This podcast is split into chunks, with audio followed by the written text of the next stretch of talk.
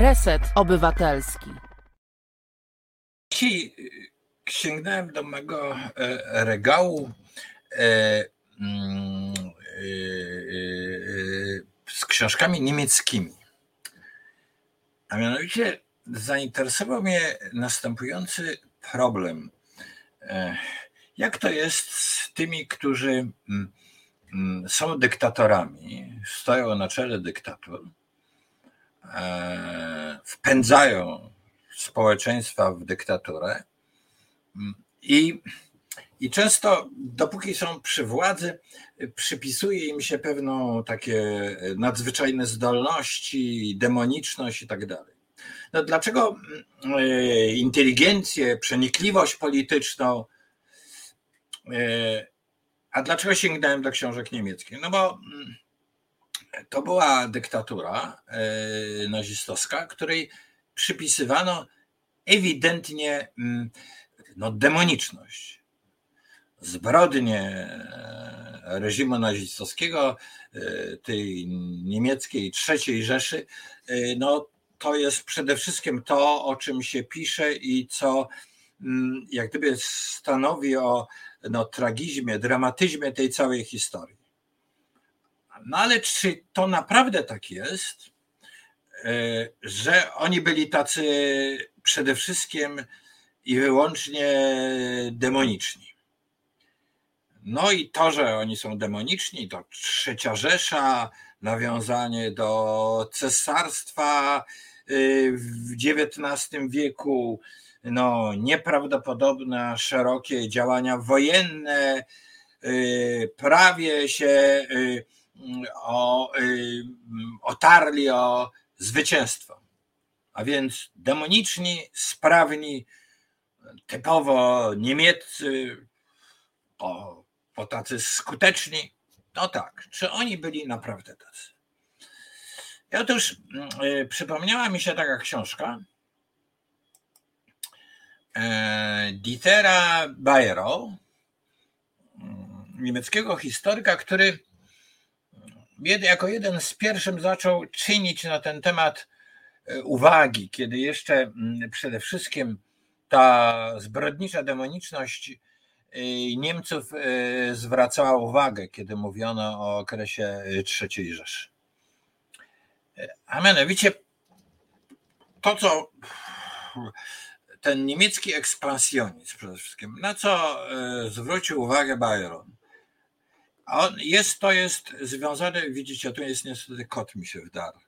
E, e, ten, e, te historyczne wyobrażenia ruchu hitlerowskiego były przede wszystkim niebywale prymitywne. Miało być to, o czym się zapomina wobec tych zbrodni, społeczeństwo agrarne, takie ze średniowiecza, wzmocnione tylko trochę przemysłem tak miało to e, wyglądać. E, oni e, sięgali do. Przepraszam, muszę zgonić kota z mego fotela, bo on drapie mój fotel, wyobraźcie sobie. Przepraszam bardzo. Skórzony. I, i teraz to to społeczeństwo to miało być jakieś głębokie średniowiecze. Ci chłopi mieli opanować, niemieccy chłopi, wieśniacy, coś pierwotnego, mieli opanować całą wschodnią Europę. E, mieli mieć niewolników. To było w ramach tej wizji, wcale nie, nie takiej demonicznej, tylko prymitywnej wizji z przeszłości. W średniowieczu, w średniowieczu byli niewolnicy i tu też mieli być niewolnicy ci e, podludzie. No, gdzie ci e, hitlerowcy, naziści wyczytali taką wizję historii? Oni przerysowali to, co w tej historii było, ale przerysowali skrajnie. I przerysowali w bardzo szczególny sposób i w szczególnych warunkach historycznych. A mianowicie e, Niemcy w pierwszej wojnie doznały porażki, te Niemcy, które szły wciąż do przodu, które zbudowały bardzo mm, no, potężne państwo, zdecydowały się na pierwszą wojnę światową, przegrały to i teraz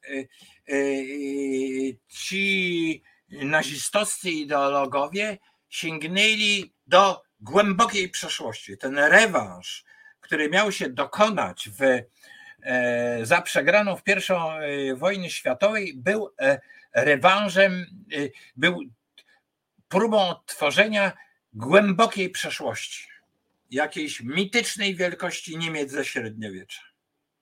No, przypominam, że to jest częsty przypadek. Może ta operacja, żeby sięgnąć do przeszłości, prowadząc jakąś dzisiejszą politykę do wielkiej przeszłości, na przykład Węgry. Orban mówi cały czas o wielkich y, Węgrach, y, o jakiejś potędze z przeszłości. Znamy też inne państwa w Europie, które dzisiaj tak, tak myślą. A więc to pierwsze ignorancka wizja przyszłości to cechuje nazistowskie Niemcy. Nie historiografia niemiecka oparta o e, Rankego, e, wybitne osiągnięcia intelektualne i tak dalej, i tak dalej, też pewno nacechowane niemieckim nacjonalizmem, ale absolutnie nie w tym stopniu, co ta e, utopijna, no i banalna, kompletnie anachroniczna wizja historii, jakim rządzi się, się ruch nazistowski. Sprymitywizowanie wizji przyszłości, przyszłości niemieckiej w tym wypadku. A więc taką jedną cechę można wyczytać. Dyktatorzy zwykle szalenie prymitywizują wizję e, przeszłości własnego kraju. E, na użytek e, polityki, obiecanek i tak dalej. To jest jedno. No ale drugie, ta niebywała skuteczność armii Wehrmachtu. Jest taka książka świetnego historyka Goetza Ali. Teraz wyszła jego książka o, pod tytułem Europa przeciwko Żydom, ale on mm, jako zaistniał tak silnie w niemieckiej opinii publicznej, kiedy napisał przed kilku laty książkę o Wehrmachcie. I otóż z Wehrmachtem, e, tym co mówiono w Niemczech o Wehrmachcie po wojnie, to jest mniej więcej tak, no, że ten e, Wehrmacht e, oczywiście brał udział w tej strasznej historii III Rzeszy, no ale cóż oni mieli robić? No, byli narzędziem państwa, w końcu do końca walczyli, byli dzielni. No, oczywiście przypisywano też Wehrmachtowi różne zbrodnie, no ale głównie to miało być SS, sam Hitler i tak dalej, i tak dalej. Co zrobił Getz Ali? Getz Ali nie zajął się wielkimi zbrodniami e, Wehrmachtu, oczywiście absolutnie im nie przeczył, ale pokazał, jak Wehrmacht, jak, jaką rabunkową prowadził politykę. Że ci żołnierze Wehrmachtu kradli, gwałcili, byli prymitywni, że to była armia y, jakiegoś y, niecywilizowana.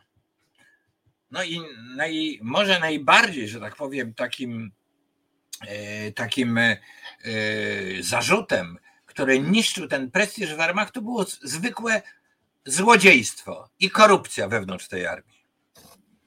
No, czyli można powiedzieć tak, że demonizm dyktatorów, demonizm jakiejś takiej niszczącej siły politycznej, najbardziej boi się tego, że za tym stoi jakieś banalne złodziejstwo, banalna korupcja.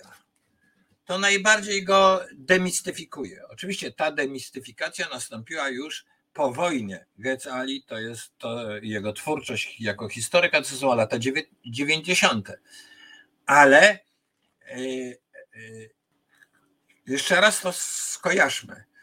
Coś, co ma być jakaś straszna maszyna, sprawna, inteligentna, świetne prezentacje własnych planów, e, cały czas odnawianych, budowanie najrozmaitszych wizji jakiegoś wspaniałego ładu, a nagle zatem kryje się prymitywne złodziejstwo i nic więcej. I korupcja, i to, że ci, co te plany snują, to zwyczajnie kradli. No i kim byli ci ludzie wokół Hitlera? To jest ciekawe. No bo ukazuje się mm, Mein Kampf. No, zacznijmy od Mein Kampf. Jeden z moich znajomych spytał mnie o, o to, e, czy ja mm, czytałem Mein Kampf. Oczywiście czytałem i spytał mnie, czy warto przeczytać. On nie jest historykiem. Ja mu powiedziałem, posłuchaj, no naprawdę nie warto czytać Mein Kampf, bo jest to potwornie nudna książka. No jeżeli byś ją czytał w oryginale, to wiedziałbyś, że to jest dosyć prymitywny niemiecki. E, natomiast jeżeli będziesz czytał ją w polskim tłumaczeniu, e, to się przekonasz, że, że to są jakieś wynurzenia, które są wręcz intelektualnie zawstydzające, głupawe, prostackie, sięgające do jakichś banalnych stereotypów. Pomijam to, co rzeczywiście jest tam zapowiedzią tych demagogicznych zbrodni. Ale sam Hitler na podstawie Mein Kampf, gdyby nie to, że dostał się na szczyty władzy, wydaje się być człowiekiem bardzo prymitywnym, myślowo, umysłowo. No a przecież robił takie wrażenie, gdy wychodził na mównicę. Krótkie, ostre przemówienia, a za tym kryje się pustka. Tak to jest z dyktatorami. No ale jego otoczenie, jakie było? Goebbels. No właściwie wtedy uważano go za niebywale e, błyskotliwego e, propagandzistę. Mm, no wtedy nie było e, telewizji, ale można by powiedzieć, że taki szef telewizji, prawda, u, ówczesnej. No na pewno miał ogromny wpływ na radio i przemawiał przez radio. No i co się odsłania? Odsłania się jak się dzisiaj tego, tego słucha, można odsłuchać niektóre przemówienia Goebbelsa, to jest to po prostu kupa krzyku i prymitywizm. Kupa krzyku i prymitywizm. Tak prymitywna propaganda, że aż trudno to sobie wyobrazić. Że aż trudno to sobie wyobrazić. Prymitywniejsza nawet niż e, propaganda komunistyczna. No, główny, główny intelektualny guru ruchu yy, nazistowskiego. No, to się w innych przypadkach też yy, powtarza, jeżeli prześledzić, co się dzieje yy, w państwowych mediach dyktatur. No, państwowych mediach to warto podkreślić. Dlaczego one są państwowe? No bo dyktatury dążą do tego, żeby wszystko było państwowe, czyli wszystko było w ich, w ich e, ręku prawda? One nie znoszą głosu sprzeciwu, głosu, który by ich demaskował, który by wskazywał na kłamstwo. I oczywiście to, co mówi Goebbels, dałoby się w dzisiejszym języku nazwać stekiem fake newsów. Powtarzanie bez przerwy fake newsów. E, no i teraz, no dobrze, ale Goebbels jeszcze krzyczy i występuje publicznie. Ale teraz weźmy e, Franka, gubernatora e, nazistowskiego z siedzibą na Wawelu. No, Frank jest dosyć ciekawą postacią, bo mm, jest taki fragment w e, pamiętnikach Malaparte, gdzie on jako włoski dziennikarz mm, E, o dosyć przemyśliwym, takim no, przenikliwym spojrzeniu. Jak wiemy, to bardzo ciekawa mm, postać jest Balaparte, ten Włoch. Jest tam przyjęciu, u, przyjęciu u, u, e, u Franka. To wskazał mi na ten fragment jeden z przyjaciół, przypomniał mi o tym. I, no i ten, jak się zachowuje ten Frank? po prostu okazuje się, że zachowuje się w oczach tego na wpół arystokraty Malaparte, zachowuje się jak kompletny noworyż. Największa radość e, sprawia e, temu towarzystwu, e, kiedy jakaś dziczyzna wjeżdża na stół z jabłkiem w pysku, bo oni się wtedy czują arystokratami. Wtedy czują się, że są wyższą rasą, bo mają taką demonstracyjną, głupawą, głupawą konsumpcję. Prawda? No więc e, mm, e, spójrzmy na to. Dyktator, prymitywny dyktator, otoczony jakimiś pseudointelektualistami i gromadą, gromadą noworyszy. I gromadą noworyszy. To jest e, to jest obraz ruchu nazistowskiego. To jest obraz ruchu nazistowskiego. No, moglibyśmy, ta książka, którą Państwu pokazuję, Szlacht Diktatoren, e, mówi zarówno o mm, komunizmie, jak i o nazizmie. Bardzo podobne rzeczy moglibyśmy powiedzieć o oczywiście o, mm, o o mm, ruchu komunistycznym i co się tam działo wokół e, Stalina, e, ale tam było chyba więcej strachu. E, to trwało wszystko dłużej, ale zwróćmy uwagę na pewną analogię. Obie te dyktatury potrzebują przeciw wroga. Wroga, który ma być potężny, jakiś straszyć ludzi, a jednocześnie sprzeciwiając się, my jesteśmy silni i potężni. No, to oczywiście robi Stalin, e, budując takie jego określenie faszyzmu, które po wojnie będzie po prostu określeniem całego świata zachodniego. Wszyscy demokraci na zachodzie to są w oczach Stalina ex definicjo faszyści, a z drugiej strony z drugiej strony, e, po stronie niemieckiej, demonizacja e, komunizmu, prawda? E, my musimy pokonać komunizm, bo komunizm zniszczy ludzkość. Ja patrzę tutaj na komentarze, proszę Państwa, pozwolę sobie na chwileczkę przerwać moje wywody.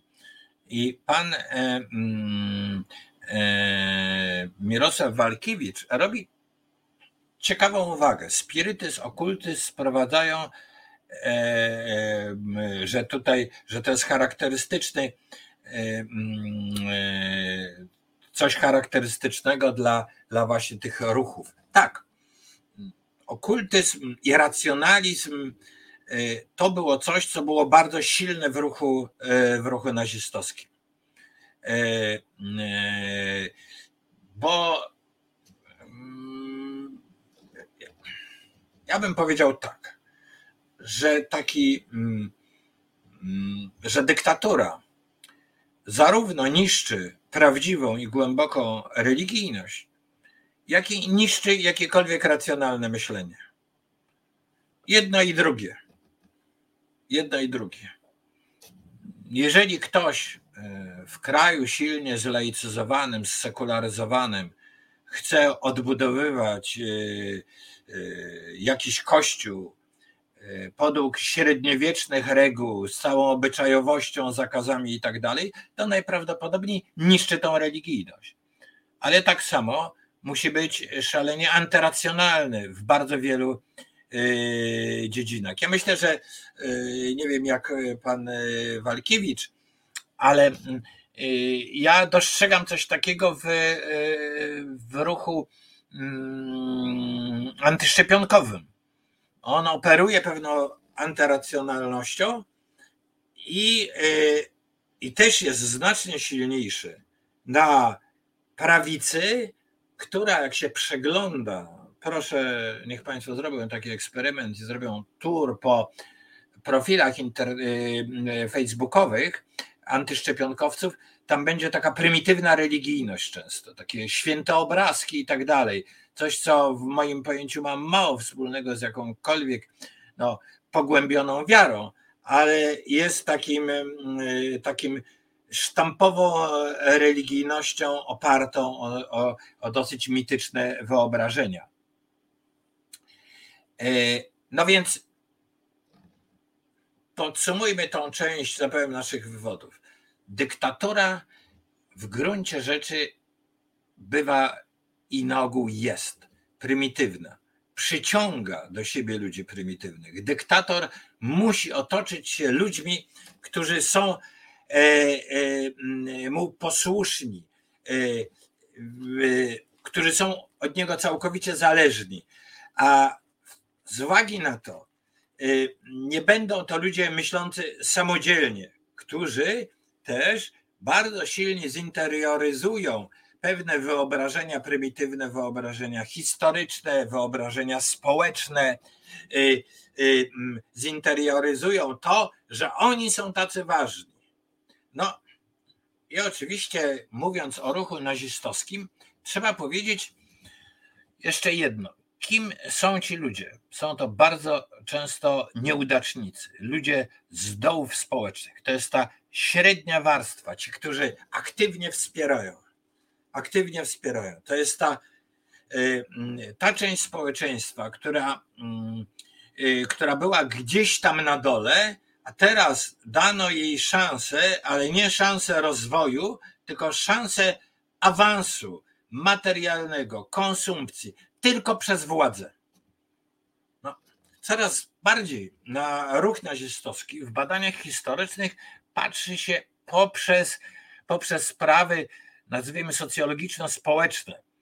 E, no, ten, ten cień nieprawdopodobnych zbrodni on wiecznie będzie, że tak powiem, tutaj obecny, ale dostrzega się, jak zwykli ludzie mogą być nie tylko zbrodniczy, ale przede wszystkim jak mogą być głupi i nieracjonalni.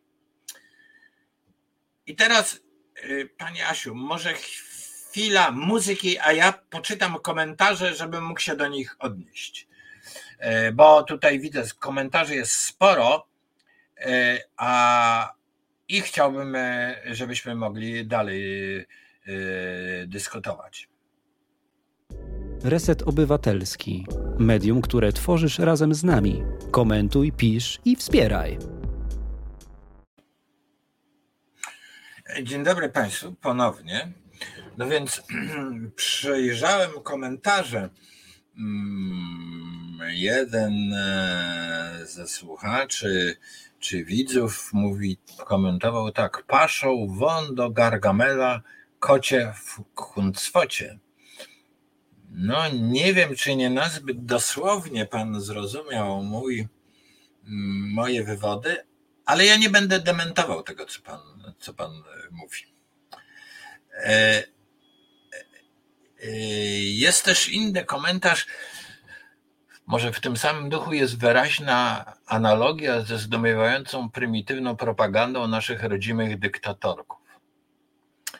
No tak, między dyktatorami mm, są najrozmaitsze podobieństwa analogie. Ja sobie przypominam e, głębokie czasy głębokiego PRL-u i wtedy wyszła książka mm, e, mm, Tyrowicza, Mm, Stanisława Torowicza Światło wiedzy zdeprawowanej. To była książka o socjologii, wykorzystaniu przez ruch nazistowski socjologii, e, ale jako czegoś naukowego. I ten bardzo wybita, bardzo wybitna głowa, Stanisław Tyrowicz, pokazał właściwie że jest to bardzo podobne, co się usiłuje w systemie komunistycznym robić z polską nauką. Jak się w taki perwersyjny sposób korzysta z nauki.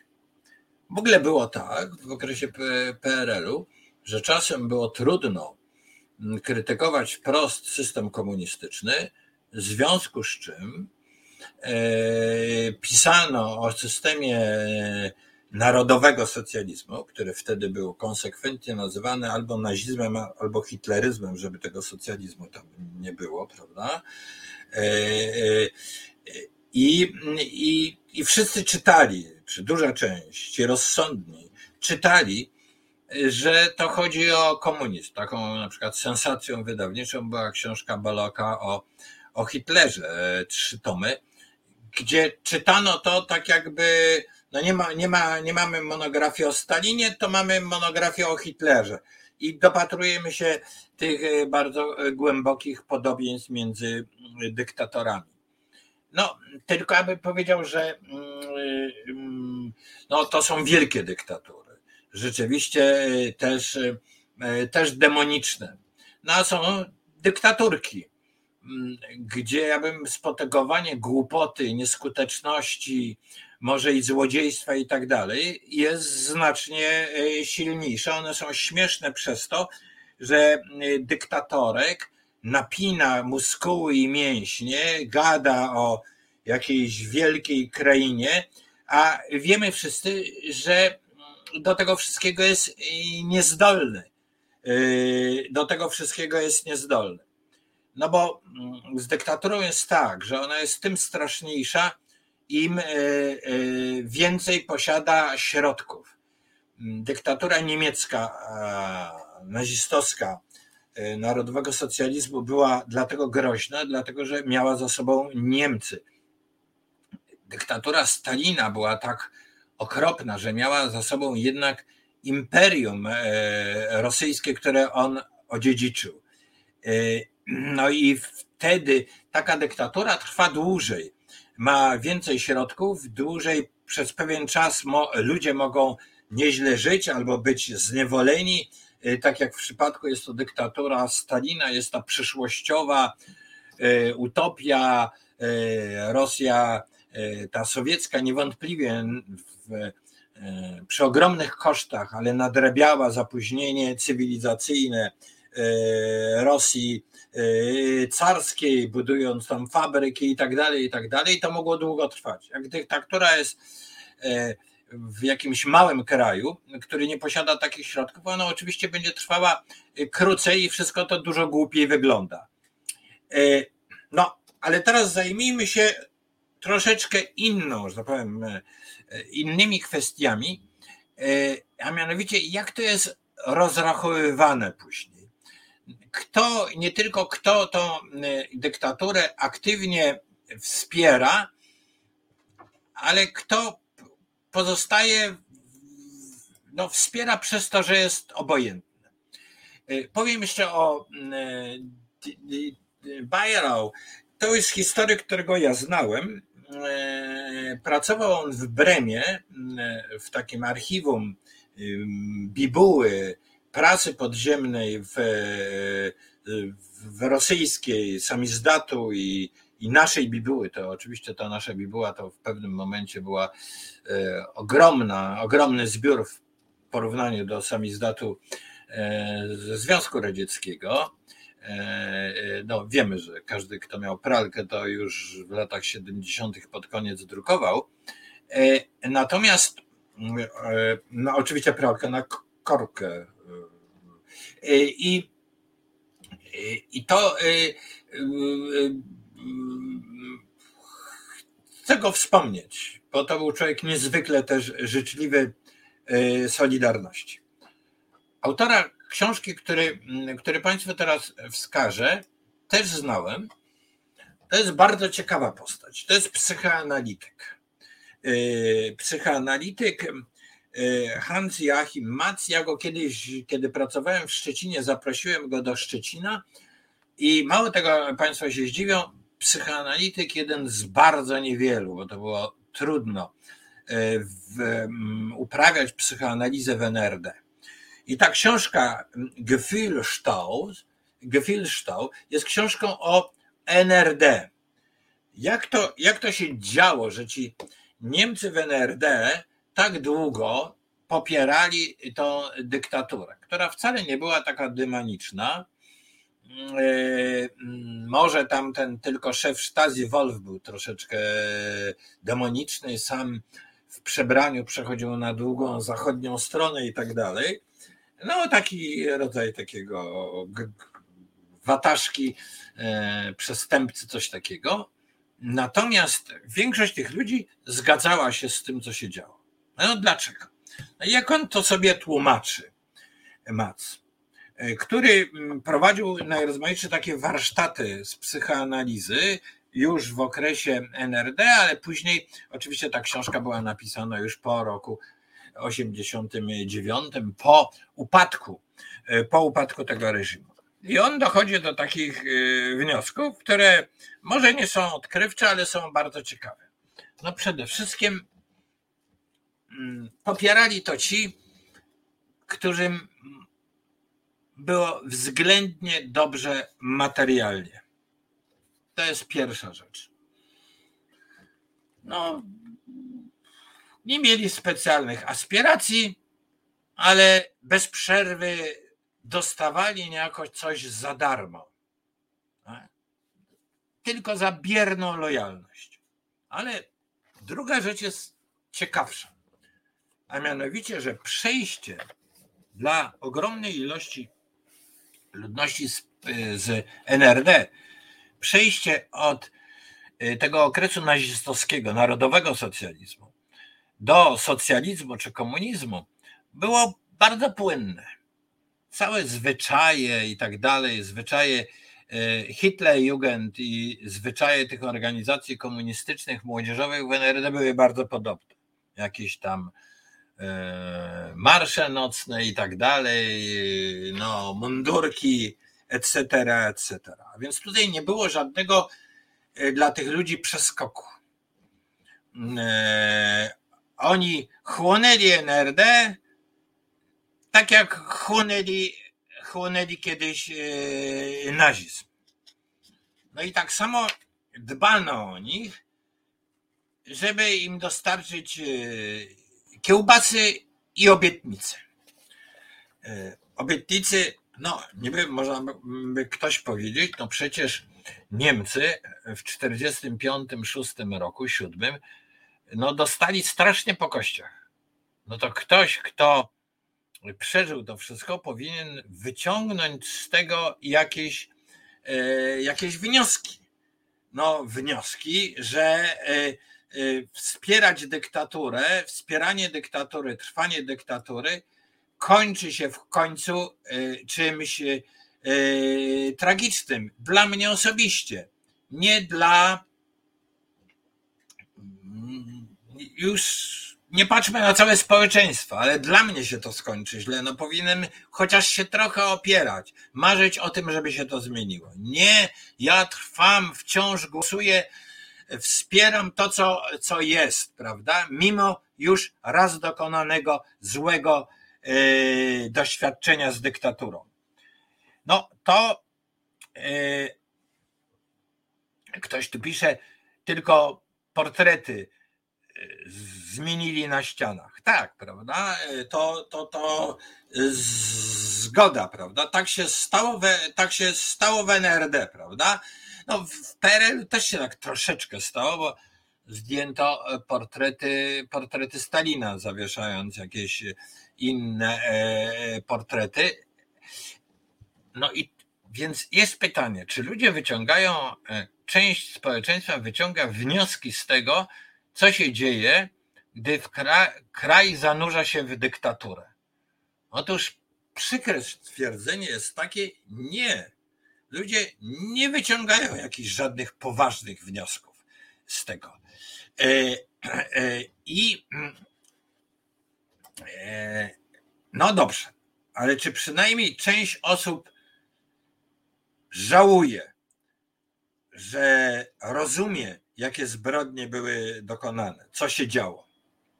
No, to jest oczywiście pytanie, na które nie usiłowano odpowiedzieć w NRD i to mój znajomy pan Mac e, e, opisuje. Podkreślam, ta książka chyba nie została przetłumaczona na język polski, a bardzo szkoda. To jest rozrachunek e, z NRD, niemiecki rozrachunek z NRD ciekawe, że właśnie psychoanalityka, tak jak w Polsce jedną z najpoważniejszych książek o, o PRL-u napisał też psychoanalityk pan Leder. Tak samo i tutaj te podejście psychologiczne jest bardzo ważne. No ale, ta, ale jak to wygląda z rozrachunkiem? Ten rozrachunek oczywiście był dokona, dokonywany w Niemczech Zachodnich.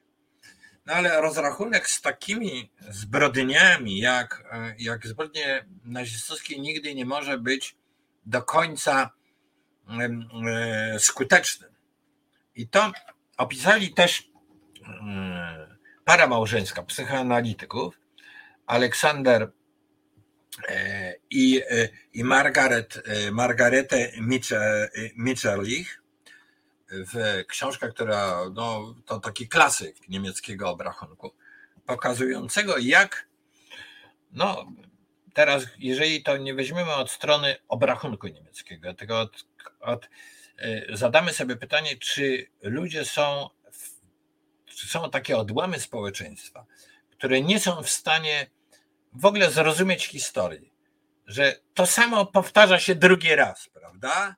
E, e, albo może się powtórzyć, a oni się będą tak samo e, nonsensownie zachowywali. I to właśnie opisują ci dwaj niemieccy, niemieccy psychoanalitycy. Niezdolność, ich książka to jest niezdol, niezdolność do pokuty, niezdolność do zrozumienia tego, co było złe w historii.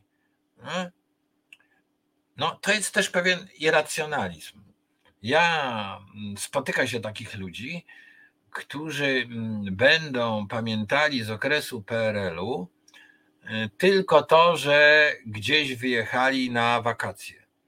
W Niemczech y, nazistowskich były wspaniałe kurorty y, dla robotników, i też ktoś może pamiętać, y, jak to było wspaniale. Opowiedział to wnukowi. Wnuk się nie uczy w ogóle historii i też opowiada, że były bezpłatne wakacje. Y, że na przykład, że można było dostać mieszkanie, bo dziadek dostał, dostał mieszkanie. Co prawda, zapomina, że dziadek czekał na to mieszkanie 15 lat. A więc Y, ludzie opowiadają sobie historię ze swojej młodości.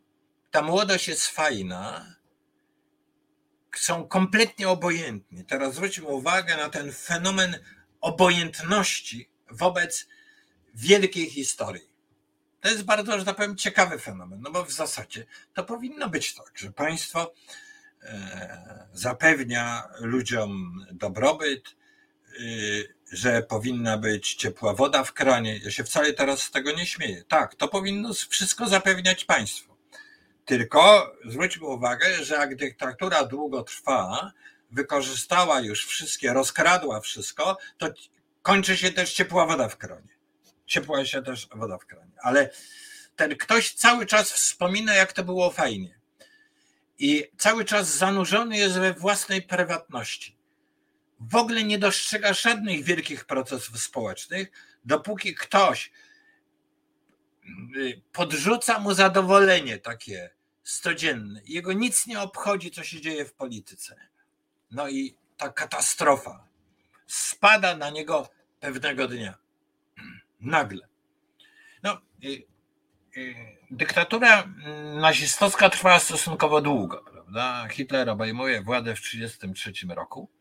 Niemcy idą bardzo szybko w górę do 1939 roku, zaczynają wojnę, początek bardzo dobry, prawda? podbój Polski, Francji, y, Norwegii, w Niemczech y, euforia, mamy rok 41, w cztery lata później niemieckie miasta są zbombardowane, Niemcy są całkowicie y, zniszczone. No, no jak się i okazuje się, że jest bardzo duża liczba ludzi, którzy w ogóle nie dostrzegła zależności. To jest to, to jest to właśnie w tej książce. Zależności między wielką historią a własnym losem. e, a własnym losem. To jest pewien typ irracjonalizmu, niezrozumienia, na czym, gdzie w ogóle żyjemy, na jakiej planecie. No bo jeżeli mnie interesuje tylko moja własna pozycja, jeżeli mnie dopiero, jeżeli mnie zmniejszą poważnie emeryturę, to ja się obudzę. A tak jestem absolutnie zadowolony z życia, e, e, bo ktoś mi obiecał jeszcze więcej, no to, to właściwie tak jakbym żył na Księżycu w jakimś takiej szklanej kuli i nie widział całego świata. No, to jest ta kategoria ludzi obojętnych. Tych, którzy nie widzą związku między życiem społecznym, polityką, a, a własnym losem. A własnym losem. Czy takich ludzi jest dużo? Proszę Państwa, ja Mm, no tu mówiliśmy o wielkich rzeczach, Niemcy, Niemczech e, nazistowskich, e, e, Rosji, Stalina i tak dalej. Ale ja bardzo lubię rozmawiać z ludźmi i takich bezczelnie zaczepiać. No, jakimiś takimi odzywkami niespecjalnie nacechowanymi mm, mm, nacechowanymi mm, politycznie, ale no jednak zaczepiającymi o, o politykę. No i ja słyszę takie rzeczy od ludzi. Ostatnio w, w paru sklepach, prawda, sprowokowawszy może trochę, albo włączywszy się do takiej rozmowy, usłyszałem takie zdania. Wszyscy kradną. Wszyscy kradną. A co ja się będę. Pani, nie gadaj pan o polityce, Panie, panie, nie, prze, no, nie gadaj pan o polityce. I tak dalej, i tak dalej. To, to nie było do mnie takie, takie pamiętam, jakieś, jaka, jakaś pani, chyba nawet, nawet ciekawe, że, że pisówka zainicjowała rozmowę. A ktoś zainicjował, nie gadaj pani o polityce, prawda? A mogła się wywiązać jakaś rozmowa. Czyli ja w Polsce nie głosuję yy, ponad 40% osób potencjalnych wyborców.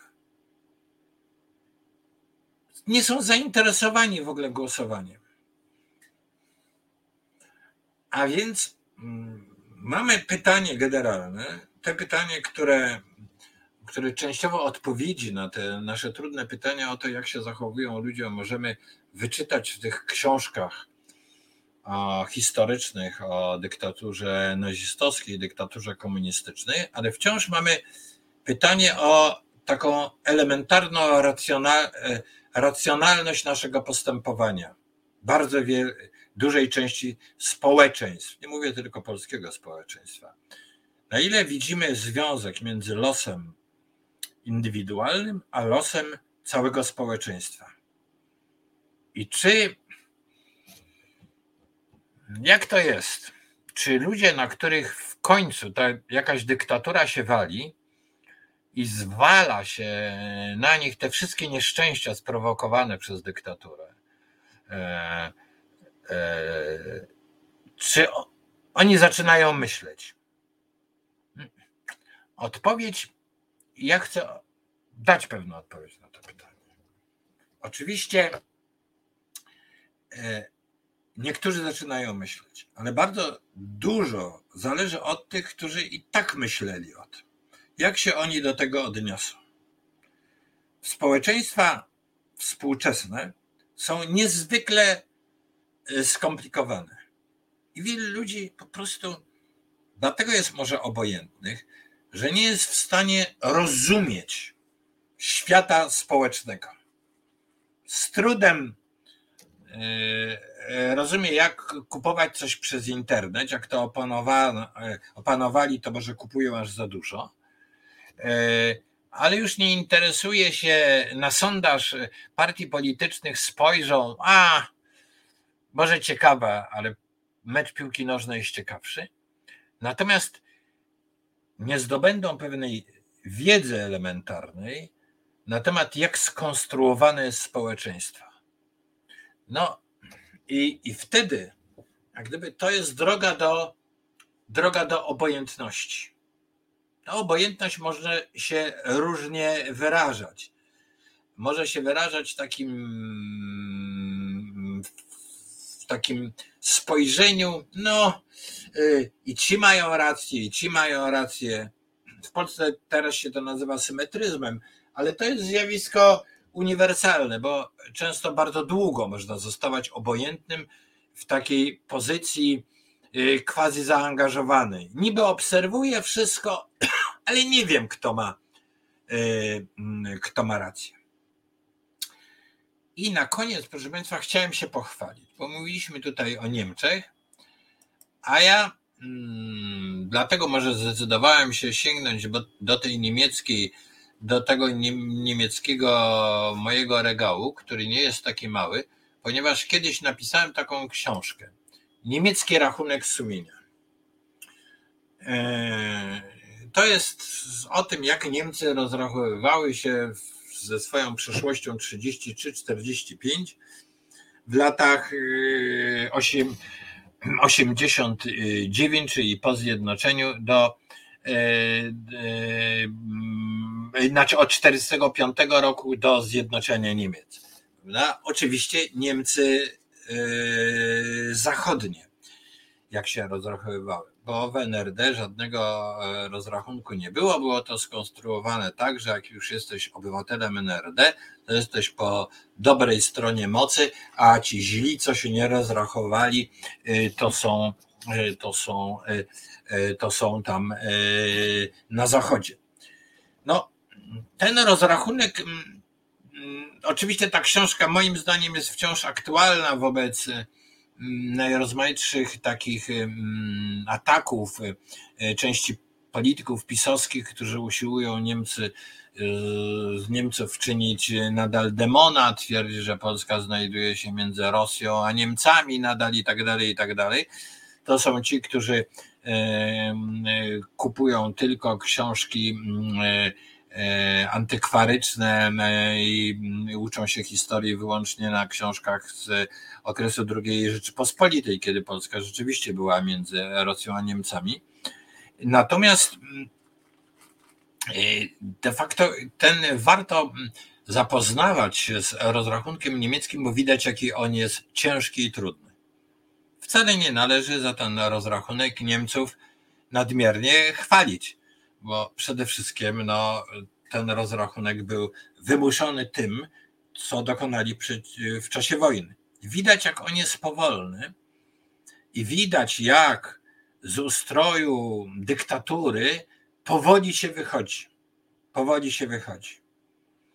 No, mamy to pytanie, jak się wychodzi z okresu w Polsce też dyktatury komunistycznej. Można by pewno mm, ciekawe byłyby studia, jak ta desowietyzacja umysłowości przebiega w samej Rosji, w Ukrainie e, i tak dalej, i tak dalej. Takich studiów porównawczych ja e, nie znam, e, ale mm, ten rozrachunek niemiecki jest absolutnie, absolutnie pasjonujący i warty studiowania przez też analogii, nie tylko analogie między dyktaturami, analogię między rozrachunkami ze złą przeszłością.